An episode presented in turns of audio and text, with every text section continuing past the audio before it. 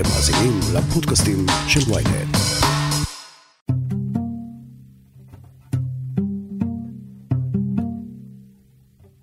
זה כבר הרגיש שאנחנו יוצאים מהבוץ העמוק שמגפת הקורונה הכניסה אותנו אליו.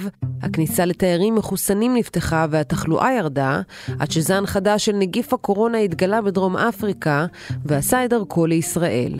כל הצעדים שנקטנו ביומיים האחרונים, מטרתם להקטין כמה שאפשר את הסיכון, והכל במסגרת המדיניות שלנו של חיים לצד הקורונה.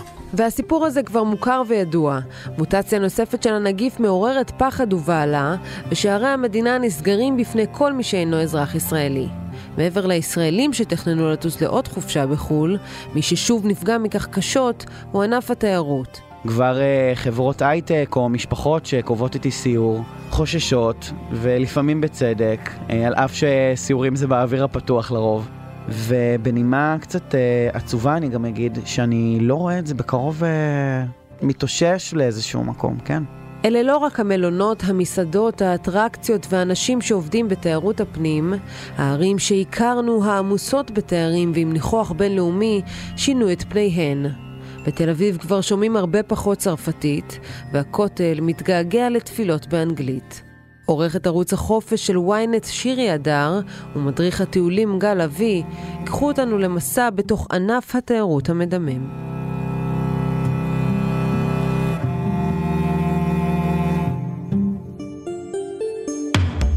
הכותרת, פודקאסט החדשות של ynet עם סיון חילאי. שירי, זה קרה מהר. ממש כך. חוסר היציבות זה הביטוי, אה, לצערנו, המרכזי שאפשר לומר על אה, הענף הזה. ואני אפילו, ככה תרשי לי, אני אצטט את נשיא אה, התאחדות המלונות הנכנס, אבי ניסנקורן, שאמר אה, ממש לפני כמה ימים במכתב חריף שהוא שלח אה, לשרי האוצר והתיירות, שזהו הענף שנקלע למצוקה חמורה בתולדותיו, וגם יהיה האחרון להתאושש מהמשבר. וזה בעצם משהו שצריך להבין לעומק. בקושי חודש עבר מאז שמדינת ישראל החליטה לפתוח את שעריה לתיירים מחוסנים, יצא במתווה מסודר שמאפשר להם אה, להגיע לכאן מרוב אה, מדינות העולם, וכבר עכשיו, חודש אחרי, זן חדש מתגלה, ושוב השמיים אה, נסגרים עבור תיירים, הם לא יכולים להיכנס, ומכך אוטומטית נפגעת התיירות בארץ, שבאמת כבר סופגת חוסר היציבות הזאת כבר הרבה מאוד זמן. אני נמצאת בספינה דיימונד פרינסס. היום אנחנו מסיימים יום עשירי של הבידוד שלנו, וקיבלנו הודעה מהקפטן אה, שלפני שנצא, לכולם יעשו בדיקה. אנחנו כולנו זוכרים איך אה, התחיל המשבר אי שם לפני שנתיים עם ספינת הקורונה מול אה, חופי יפן, מה שדבר ראשון ריסק גם בקטן את עולם השיט והקרוזים, אבל בהרבה יותר גדול את עולם התעופה והתיירות. והדברים הראשונים שנסגרו ברוב המדינות, בכל המדינות, אלו השמיים, טיסות התחילו uh, להצטמצם עד לכדי uh, אפס טיסות, uh, דברים שלא ראינו מעולם, וזה עדיין ענף שאנחנו לא רואים אותו מצליח לחזור לעצמו, וכשהוא קצת מצליח להרים את הראש מעל המים, אז מגיע זן חדש, מגיע גל רביעי וגל שלישי, ועוד היסטריה ועוד פחד, שאנחנו כמובן לא כאן כדי לומר uh, מוצדק או לא, אלא פשוט להגיד עובדתית שזה משבר עצום שצריך להסתכל עליו שנים קדימה. ייקח עוד המון זמן, התחזיות אף פעם לא מדייקות בשנתיים האלה, כי אין תחזית. זה ענף שבנוי על תחזית ומושתת על צפי קדימה, וצריך לדעת תמיד להיערך כמה טיסות אפשר אה, לקבוע בחודש, חודשיים, חצי שנה הקרובים, ואין את האפשרות הזאת, לא לחברות תעופה ולא למלונאים. זה לא היה מאוד מפתיע ש, שיקרה משהו כזה, פשוט המהירות. ומהרגע שגילו את הזן המבהיל והחדש הזה, היה מאוד מאוד מהר עד ההחלטה לסגור ולהחזיר לבידודים והגבלות. אה, ולא רק בישראל, אנחנו רואים גם באירופה, עדיין לא יצאו מהגל הרביעי וכבר גם זה נכנס לסיפור. אז אולי אנחנו יכולים להבין שיש פה איזה משהו חדש שזורע פאניקה לא רק בישראל אלא בכל העולם, וכן אפשר להגיד, רגע, נשים את עניין התיירות בצד, נכון, אנחנו רוצים לפרנס, אנחנו רוצים לעזור uh, לכלכלת הענף הזה, אבל קודם כל הבריאות, מה המדינה עושה כדי לעזור, לסייע כלכלית לכל מי שעוסק אה, בענף התיירות? מה קיבלו האנשים שעוסקים בענף הזה? שאלה מעולה, זו שאלה שגם uh, אני שואלת כעיתונאית וגם uh, בכירים בתחום שואלים ולא לא מקבלים תשובה מהמדינה. זאת אומרת, המדינה כן הבטיחה לאורך השנתיים לפצות את התחום הזה. עכשיו, כשאנחנו אומרים תחום, ענף התיירות הוא עצום, כי הוא מצד אחד תיירות נכנסת ותיירות פנים ותיירות יוצאת. ויש את סוכני הנסיעות ויש את המלונאים וחברות תעופה, אבל גם יש המון המון קצוות זה ענף עם זרועות מאוד רחוקות שמגיע אה, לנהגי הסעות של תיירים ולמנקים של חדרי מלון ואנשי אבטחה ו- ושמירה. אה, מלצרים ומסעדנות שקשורים, אה, נהגי מוניות, זאת אומרת, כמעט ואין לזה סוף, זה באמת נוגע בתחומי התרבות, הקולינריה, ואני חושבת שהמיפוי פה הוא הכרחי והוא לא נעשה. זאת אומרת, אני לא חושבת ש, שממש עשו מיפוי למי מגיע קודם או יותר, כן מדובר עכשיו, בהעלאה הנוכחית, על אה, לפצות את האנשים שמתעסקים בתיירות נכנסת, אלו שהיו אמורים לקבל עכשיו תיירים, כי באמת, כמו שאמרת, מדינת ישראל סוף סוף פתחה את שעריה אחרי שנתיים ואמרה, הנה, אנחנו מכניסים תיירים, אפילו ירדה מהעצים הגבוהים של לעשות סרולוגיות, הצליחה למצוא איזשהו מתווה שאפשר להכניס לכאן תיירים אה, בצורה נורמלית יותר. אבל uh, הנה הכל שוב נסגר ומלונאים פתחו את המלונות ושוב הם צריכים uh, להסתדר איכשהו אז להם מובטחים כרגע פיצויים, אבל מה קורה עם אנשי התיירות היוצאת? ישראלים מבטלים uh, טיסות uh, לחו"ל בגלל המצב. זאת אומרת, לא ברור עדיין לאן הכסף בדיוק הולך ומתי הוא יגיע והאם הוא מספיק. אנחנו רואים חברות תעופה כמו אל על, ישראייר וארקיע שעדיין מדשדשות בבלגן הכלכלי שכל אחת uh, נמצאת בו, מחכות לפיצויים מהמדינה וחלקן מקבלות יותר ופחות. יש המון כאוס בעניין הזה.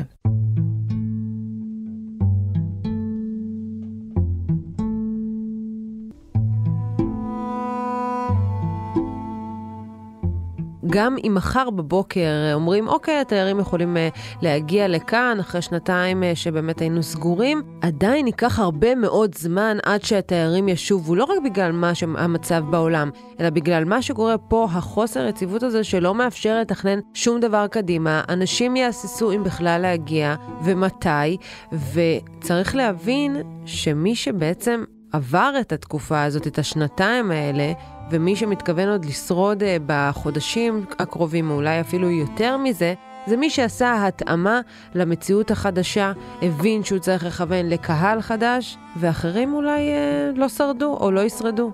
נכון. קודם כל, בואי נזכור איפה אנחנו נמצאים. מדינת ישראל, אנחנו שומעים בתקופה האחרונה הרבה שאנחנו מדינת אי. עוד הרבה לפני הקורונה לתיירים היה צריך או אומץ או סקרנות או אהבה גדולה לישראל כדי להגיע לכאן. אנחנו לא יעד בדרך לאן שאנחנו לא קרובים למדינות באירופה. אנחנו בתוך שכונה קשוחה מאוד במזרח התיכון, אז מבחינה תיירותית, התייר הממוצע צריך מאוד מאוד לרצות להגיע לכאן עוד לפני קורונה, ותוך כדי קורונה זה אפילו מתגבר. תייר צריך לעבור המון בדיקות כדי להגיע לכאן, והמון טפסים, ולהיכנס לבידוד. זאת אומרת, אנחנו מאוד מקשים על מצב שגם ככה קשה להגיע לכאן. עכשיו, אנחנו לא יודעים עדיין מתי ניפתח שוב לתיירות, ו- ואנחנו כמה ימים אחרי הודעה מאוד דרמטית וחגיגית על זה ששדה תעופה רמון היה אמור להיפתח השבוע לתיירות חוץ, אחרי שנתיים שהיה סגור לגמרי והוא היה רק עם טיסות פנים. התיירים מרוסיה, מזרח אירופה, היו אמורים להגיע לכאן ממש בשבועות הקרובים כדי לחזק את תיירות החורף באילת ובים המלח, והנה שוב זה נעצר. והעניין הוא שאנחנו מדברים באמת על צפי. אז אם, לא יודעים, וכל הזמן החוסר ודאות הזאת היא קמה ומרימה את ראשה ו, ויורדת חזרה, לפחות צריך לדבר על מתווה. איך להחזיק מלונאים ואנשי עסקים שקשורים לתיירות מעל המים. פה באמת נכנסת האדפטציה שתיירות נכנסת עשתה בישראל בשנתיים האחרונות. המון אה, מלונות שהיו פונים בעבר לתיירים נוצרים שמגיעים לארץ, לטבריה וירושלים, ואנשים שחיפשו פה באמת טיולי דת יותר או היסטוריה, לא היו צריכים הרבה דברים במלון. נכון, הם היו מגיעים, שמים, עושים צ'ק אין, שמים את המזוודה בחדר ויוצאים ליום שלם בטיול uh, מחוץ למלון, ולכן המלון לא החזיק יותר מדי פסיליטיז. בשנתיים האחרונות הרבה מלונאים אמרו, אוקיי, בוא נחשוב איך אנחנו מושכים את הקהל הישראלי, והיו צריכים לחשוב ב... לדבר ישראלית. זאת אומרת, ל- לשפץ את המלון, להכניס פתאום ספא, לבנות בריכה. הקהל הישראלי מאוד שונה מהקהל האירופאי. יש לו הרבה יותר uh, בקשות, הוא הרבה יותר demanding מבחינת ה-facilities, היוקרה, הניקיון. מחפשים את הארוחות בוקר העשירות ואת המתקנים לילדים, ולכן המון uh, מלונות, אנחנו ראינו בשנתיים האחרונות שהם היו בסגר, הם עבדו. כי הם שיפצו וחשבו איך אה, להרחיב את המתקנים ואת ההיצע של המלון. מי שלא עשה את האדפטציה הזאת, בין אם הוא היה יכול או לא להרשות לעצמו, הוא פשוט נשאר מאחור. ואני מדברת עם אה, מנהלי מלונות בנצרת ובנתניה, וגם בירושלים, שפשוט אה, לא ממש מצליחים לשרוד ולא רואים את היום שאחרי, ואולי הם יעזבו את המקצוע, שזה גם איזושהי אה, מגמה לא נעימה שאנחנו נתקלים בה, וזה עצוב. מיד נמשיך עם הכותרת, אבל לפני כן, הפסקה קצרה. היי, אני יובל מן, עורך ynet דיגיטל. בעולם הטכנולוגי של היום צריך שמישהו יעשה קצת סדר. הצטרפו אלינו לרפרש, פודקאסט הטכנולוגיה החדש של ynet. בכל פרק נדבר על מה שחדש ומעניין בעולם הדיגיטלי. רשתות חברתיות, סייבר, גאדג'טים, וההמצאות שהולכות לשנות לנו את החיים, ואולי גם את העתיד. חפשו אותנו בוויינט ובאפליקציית הפודקאסטים שלכם.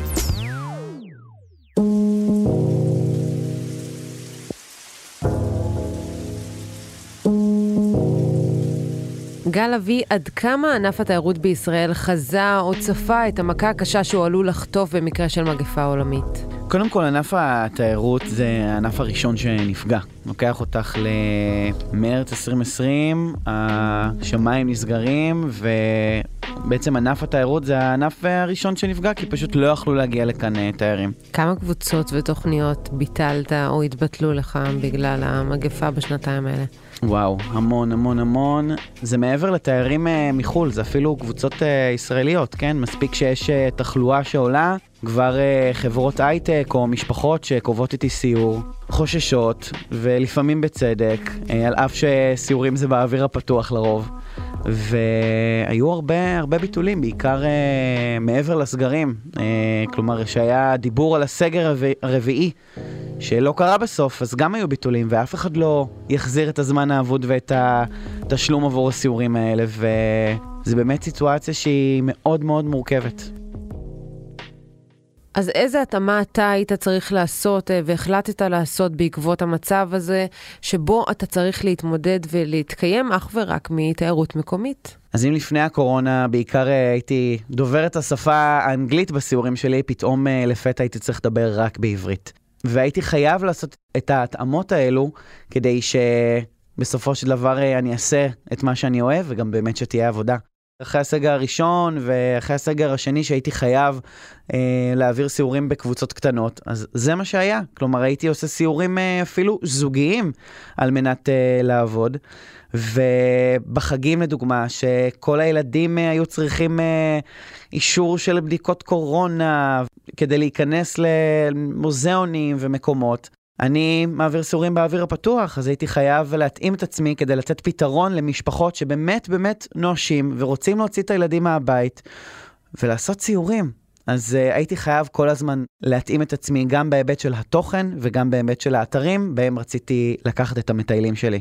והשאלה הגדולה היא, היא האם עבור מוקדי התיירות, אה, התייר הישראלי, המבלה הישראלי, הוא מספיק בשביל להתפרנס ולשרוד את התקופה הזאת? תראי, תיירות uh, מבוססת על uh, עבודה לטווח הרחוק. כלומר, uh, בהיבט התכנוני צריך לגייס עובדים, אם זה הסעדה, אם זה מורי דרך, אם זה מלון, הסעות. כלומר, כל התכנון הוא לטווח הרחוק. ברגע שקובעים החלטות שהן נקודתיות להרגע, יש להן השפעה מאוד מאוד מאוד רחוקה. כלומר, אה, ברגע שמורה דרך כמוני פותח את היומן וקובע קבוצה שהולכת להגיע לכאן עוד שלושה חודשים, אני לא יכול לקבוע דברים במקביל. אבל החלטה שנעשית עכשיו על ידי אה, מקבעי ההחלטות בממשלה, אף אחד לא מחזיר את הזמן האבוד או את הכסף שנאבד, אה, וקשה מאוד לתכנן לטווח הרחוק, כי כל רגע המצב אה, למעשה משתנה. אז גם בהיבט הכלכלי יש לנו הפסד, גם הזמן עבודה, ובכללי לא, אנשים לא פונים לתחום הזה בהיבט של עבודה, כי זה פשוט אה, לא יציב.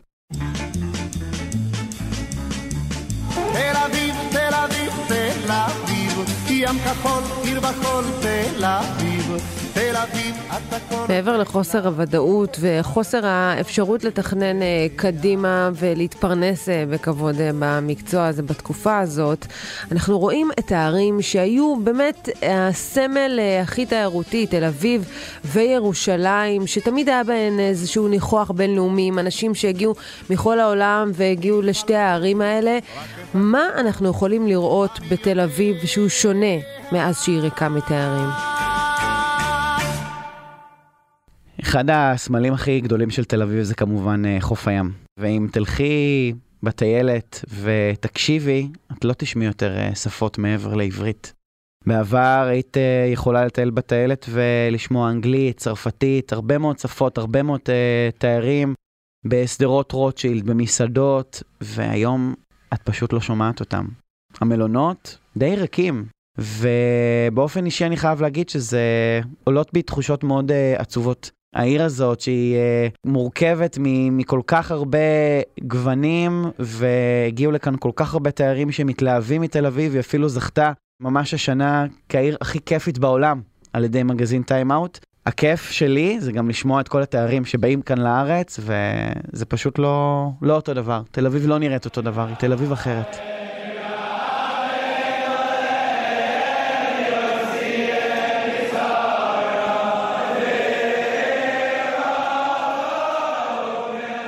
וגם עם עיר הבירה שלנו, שאין סיכוי שתייר שמגיע לארץ לא יעלה עליה, גם אם הוא יהודי וגם אם לא. הכותל, שתמיד היינו רואים אה, שמלא בתיירים, אה, גם אנשים שאין להם שום זיקה ליהדות, אבל רוצים להגיע למקום ההיסטורי הזה.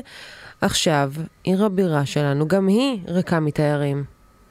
המצב של ירושלים הוא מעט שונה מתל אביב. המצב של ירושלים, קודם כל, אה, הוא יותר מורכב בעיקר בהיבט הביטחוני.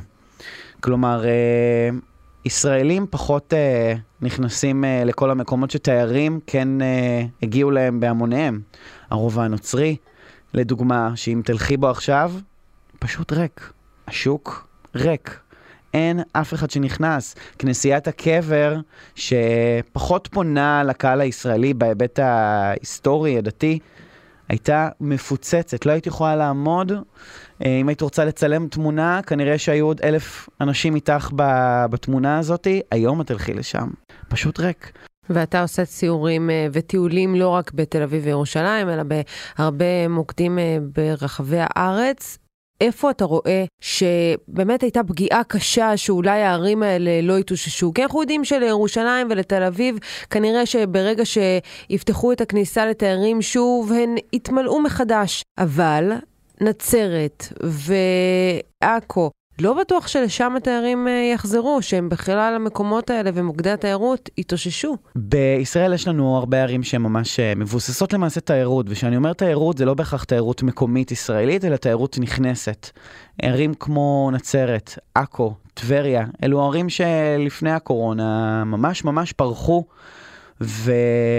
אם אני אשלב את זה עם המבצע האחרון, שומר החומות, אז ערים גם ממש נמחקו, לדוגמת עכו, שישראלים אה, גילו אותו מחדש באמת בשנים האחרונות, גם לא מגיעים. אז גם תיירות נכנסת הן, גם תיירות, כלומר כאן בארץ אנשים לא מטיילים.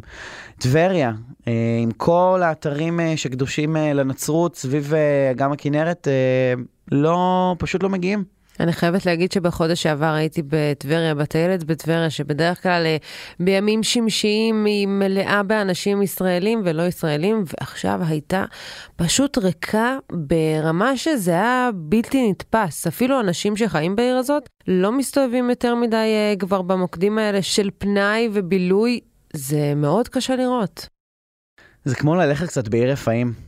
כלומר, ערים ששגשגו ופרחו ב, בעיקר בעשור האחרון, אנחנו רואים אה, נחיתה דרסטית בהיבט האנשים שפוקדים את המקומות האלה, ובנימה קצת אה, עצובה אני גם אגיד שאני לא רואה את זה בקרוב אה, מתאושש לאיזשהו מקום, כן? אני לא רואה בעתיד, אה, בשנים הקרובות, אוטובוסים מלאים, באים בהמוניהם מנתב"ג. פשוט נוסעים בכל רחבי הארץ ומטיילים כקבוצות גדולות, אלא זה הולך להיות הרבה יותר בוטיקי, הרבה יותר מצומצם, קטן. ייקח עוד הרבה הרבה שנים שאנחנו נתאושש מהמערכה הזאת.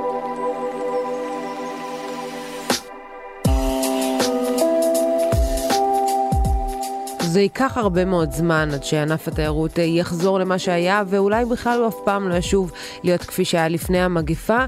והערים האלה, שכל כך היו מבוססות תיירות, השתנו גם הן, גם הן עשו את ההתאמה, והישראלים גילו אותן מחדש. הכי חיובי שיצא מהקורונה זה למעשה שהישראלים גילו את המדינה שלנו מחדש. כלומר, אה, ברגע שנסגרו השמיים, ישראלים אה, אוהבים לטייל, וברגע שאי אפשר לצאת לחו"ל, אז עושים את זה כאן בארץ. יש לי בשנה האחרונה המון המון קבוצות שהגיעו לכאן מכל רחבי הארץ ופשוט אה, עשו משהו שהם לא חשבו שהם יעשו מעולם, כמו ללכת למלון בתל אביב, הרבה תגובות שאני מקבל על הסיורים לדוגמה, שלא ידענו שמקומות כאלה קיימים בעיר, או אם זה בהיבט הקולינרי, אם זה בהיבט ההיסטורי, ובאמת ישראלים ממש גילו את המדינה בפן מאוד מאוד מאוד חיובי. אנחנו נמצאים אולי עם הברומטר של שוק הכרמל, עובדיה, בוקר טוב. בוקר טוב, אחלה בוקר, ענן העולם. טוב, אתה ברומטר פה, שאתה שמח, אנחנו מבינים שאולי המצב ישתפר. ברוך השם, חייב להשתפר, נשמה, זה לא יישאר ככה גם כן, ענן העולם. לאט לאט נצא מכל, מכל הבלאגן הזה, ברוך השם, יהיה בסדר. אנשים אוהבים את השוק, אנשים מתים על השוק, אחי, אני חשבתי ש... שווקים שהיו אה, פחות אה, מוכרים לקהל הישראלי, כמו שוק לוינסקי, מעבר לשוק הכרמל המפורסם שהוא הכי אה, הגיעו אליו, אבל מקומות כמו נווה שאנן, שוק לוינסקי, שוק התקווה, פתאום האתר הישראלי גילה. מקומות כמו דיזינגוף, כיכר דיזינגוף, ממש שינו את פניהם, אם היינו רגילים שזה פשוט עוד כיכר בתל אביב, פתאום אנחנו רואים מכיכר דיזינגוף מפוצצת באנשים, שדרות רוטשילד, אמנם לא תשמעי את השפות באוויר uh, של כל התיירים, אבל כן uh, העולם הקולינרי של תל אביב, לדוגמה, ממש uh, פרח, ישראלים פוקדים את כל המסעדות, אז זה גם נקודה חיובית שיש לציין אותה. גל אבי, תודה רבה לך. תודה רבה סיוון, וניפגש בטיולים שלי.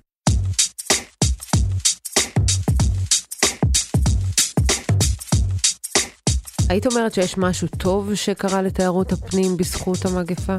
זה מצד אחד טיפונת עוד מוקדם לדעת, אבל כן אפשר לראות ניצנים של אה, דברים שקרו כאן. בואו נתחיל מהדבר שהכי חשוב uh, לישראלים, וזה כסף, המחירים. ציפינו שהמחירים ירדו. כמו שראינו שטיסות פתאום הפכו לעוד יותר זולות ממה שידענו לפני הקורונה, אז uh, טיסות צנחו במחירים חסרי תקדים לניו יורק ב-400 דולר וכאלה.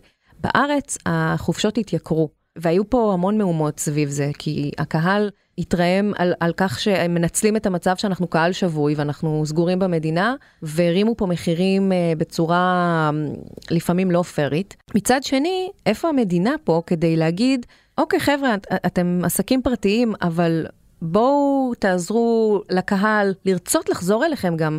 זה לא קהל שחד פעמי, אתם גם, uh, אגב, צימרים, לא רק מלונות. בואו תנו איזשהו אה, מבצע, אה, הנחות, ואז יצא קמפיין מאוד גדול של משרד התיירות לפני כשנה, שעודד תיירות פנים. גבירותיי ורבותיי, ברוכים הבאים. משרד התיירות גאה להציג את פתיחת איי התיירות הירוקים של ישראל באילת ובים המלח. שמי שיר, ואני שמחה להזמין אתכם אבל מה שנקרא, הוא היה too little ו-too late, וגם היה די מביך, כי הם פרסמו רשימה של כאלף אה, בתי מלון בכל הארץ, שהם אמורים להוריד מחירים. וכשבאנו לבדוק את המחירים, ראינו שבמקרה הטוב זה בדיחה. ובמקרה הרע זה שקר, זאת אומרת, ממש הנחות היו רק לילה שלישי עם ילד רביעי, אז תקבלו איזה 15% הנחה. זה, זה לא היה באמת הנחות מוצדקות, ויש המון אכזבה וכעס מבחינת הצרכן על, הצד השני, וחבל, כי כן ראינו שכשרוצים אפשר, אפילו במנהטן, אחד היעדים היקרים בעולם, ידעו לבוא עם מבצע של 100 אה, דולר ללילה, משהו שאף פעם אני אישית אה, לא ראיתי במנהטן אה, בשום מלון, או מלון איכותי. אז לא עשו מספיק בעניין הזה. אבל דבר טוב, אחד שכן הייתי מציינת, זה הגילוי של מדינת ישראל. כל מי שיש לו חיבור לרשת חברתית, שם לב בוודאי בשנה, שנתיים האחרונות על uh, הצפה של בלוגרים ואינסטגרמים שפתאום uh, מטיולים בדרום אמריקה וטרקים, עשו את הטרקים uh, כאן בשביל ישראל, בארץ, בצפון, בדרום, וכל uh, תיוג שני זה, וואו, איך אני לא מכיר את המקום, uh, וואו, אני בארץ. וזה נחמד ש, שבאמת גילו המון פינות חמד ואת ההיצע התיירותי שיש כאן, כי כמה שאנחנו מדינה קטנה, יש פה היצע תיירותי ענק. אז זה מדהים שבאמת הישראלים גילו מחדש את המדינה וחורשו אותה מצפון ועד דרום, ואנחנו באמת יודעים שכנראה המלונות החזקים ישרדו, ומוקדי התיירות, שגם ככה יש להם אה, בסיס מאוד חזק, יצלחו את התקופה הזאת גם אם היא תיקח אה, יותר משנתיים, אבל יש הרבה מאוד מוקדים שלא ישרדו את התקופה הזאת, הרבה מאוד uh, מדריכים שהיו צריכים לעזוב את התחום. עד כמה המכה הקשה הזאת תשפיע לטווח הארוך? את חושבת שאי פעם uh, ענף התיירות יחזור להיות מה שהוא היה לפני כן? זו שאלת מיליון הדולר, וכולנו מקווים שכן. אני אגיד שבשנתיים האלו יצא לי להבין משהו שלא הבנתי קודם, שאנשים שמתעסקים בתחום הזה, מכל קצוות הסקאלה של התיירות, זה אנשים שחייבים לאהוב את ישראל. זה החל ממשקיעים מחו"ל אגב, אבל גם המון המון יזמים ישראליים צעירים מאוד, ש, שזה העסק הראשון שפתחו, כמו שאמרת, מדריכי טיולים, מלונאים בתחילת דרכם, אנשים שעובדים בתוך המלון.